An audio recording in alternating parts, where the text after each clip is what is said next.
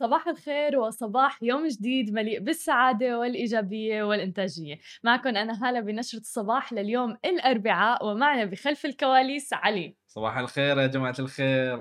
صباح النور منا ومن فريق سماشي تي في. آه شكرا لكل الناس اللي عم بتصبح عليكم. آه تصبح عليكم. شكرا لكل الناس عم تصبح علينا. نحن كمان عم نصبح عليكم. آه في شخص كتب أقوى تيم بالعالم. الله. super team شكرا شكرا. super team شكرا لكل الناس اللي عم تتابعنا واللي عم تتفاعل معنا. اليوم بنشرة الصباح رح نحكي عن خبر عن البيتكوين خبر جدا مميز. أيضا بدنا نحكي عن ميزة جديدة من نتفليكس وبالختام بدنا نحكي عن أك يعني من أهم وأسرع الحواسيب اللي تم إطلاقها الآن في السعودية. آه وخليكم عم تتفاعلوا معنا. رح نقرأ أيضا ال comments اللي عم توصلنا. خلينا نبدأ بأول خبر معنا لليوم عن البيتكوين. كنا عم نتساءل سابقا إذا عمله البيتكوين رح نشتري ونبيع فيها بس ما توقعنا ابدا إنه بهالسرعة يتم شراء لاعب بعملة البيتكوين. حقق انتر مدريد آه تاريخ جديد في الانتقالات بعد ما أصبح أول فريق محترف على الإطلاق بيشتري لاعب بواسطة العملة الافتراضية أو الرقمية البيتكوين. وذلك عندما تعاقد مع ديفيد بارل اللي هو مهاجم ريال مدريد السابق وتم الكشف عن الصفقة الجديدة بعد ما تعاونت إدارة النادي مع الرعاة الجدد.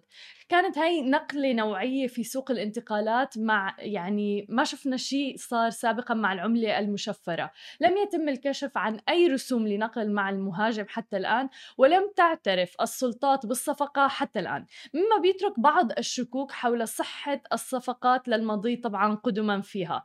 سعر البيتكوين الآن حوالي 34 ألف دولار يعني ما يقارب 124 ألف درهم. في شخص علق على الإنستغرام تبعنا وكتب إنه بيكونوا اشتروه بخمسة بيتكوين. ترى الخمسة بيتكوين ما قلال by the الخمسة بيتكوين حوالي 600 ألف درهم. هلا هو طبعا ما مبلغ كتير كبير لشراء لاعب بس فعليا الخمسة بيتكوين تعادل 600 ألف درهم وهو مبلغ آه كبير جدا.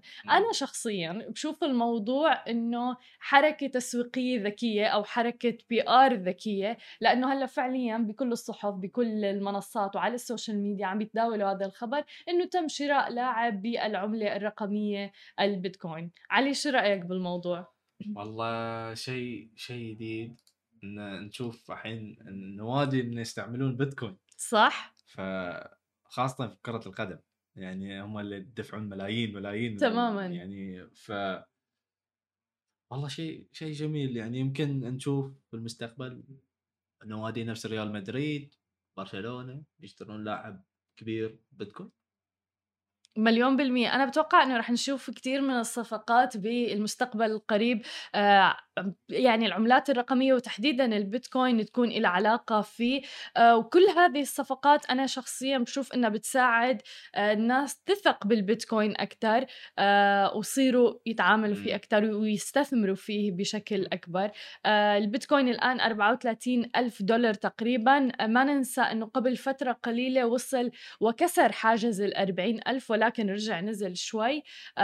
ولنشوف التوقعات بتقول أنه ممكن يوصل لأكثر من 100 ألف دولار على المدى البعيد. فأكيد نحن رح نواكبكم بكل هذه التفاصيل أول بأول. خلينا ننتقل لتاني خبر معنا لليوم عن عالم التكنولوجيا. آه مين منكم بيفتح نتفليكس وبضل ساعة عم بدور على شو بده يتفرج؟ شخصيا أنا هيك وبالأخير برجع بختار الشيء اللي دايما بحضره. أو مثلا بدي شخص يقول لي على شو أتفرج. على كل لكل الناس اللي بتواجه صعوبة باختيار على شو تتفرج على نتفليكس هاي السنة رح تطلق نتفليكس خاصية الاختيار العشوائي أو ال shuffle play نتفليكس رح تصير تختار عنكم على شو تتفرجوا ورح يتم إطلاق هذه الميزة بالربع الأول من هذا العام ورح يتم الاختيار عشوائيا مسلسلات أفلام برامج أنتم بتحبوها حسب ال algorithm أو الأمور اللي أنتم حاطينها بال saved أو المحفوظات عندكم يعني حلوا لنا أزمة نتفليكس لأنه أنا شخصيا بقعد ساعة وما بعرف شو أختار وشو أتفرج عليها. علي هل ممكن تستخدم هذه الخاصية؟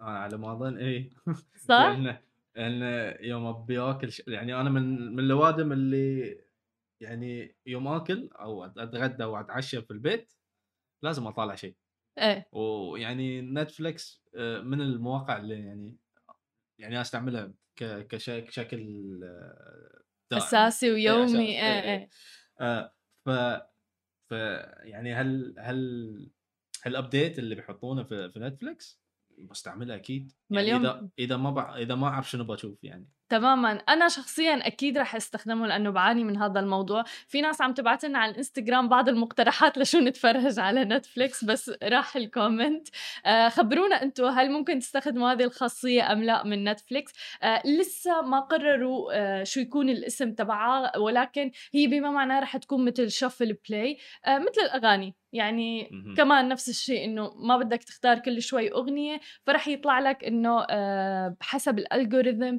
الشيء اللي أنت تحضره أو تتفرج عليه. عم بتحاول نتفليكس قدر الإمكان إنها تعمل system مثل كأنه TV أو التلفزيون آه، اللي هو نحن كنا بالعادة نفتحه ونشوف شيء بيعجبنا عليه ونتفرج عليه آه، ولكن الآن عم بيحاولوا قدر الإمكان يعني يرجعوا لهذا الموضوع. قبل كان الموضوع إنه الاختيار عند الطلب أنت بتختار شو بدك ولكن آه، المنافسة جدا جدا جدا عالية بمنصات ال- ال streaming والبث عند الطلب آه، يعني وفي منصات عديدة تحديدا بمنطقتنا نتفليكس ستارز بلاي حتى ديزني أو إس إن كله الناس يعني عم آه، عم بيتنافسوا سواء من ناحية الأسعار سواء من ناحية المحتوى أو حتى من ناحية المحتوى الأصلي أو ال original آه، اللي عم تنتجه هذه المنصات.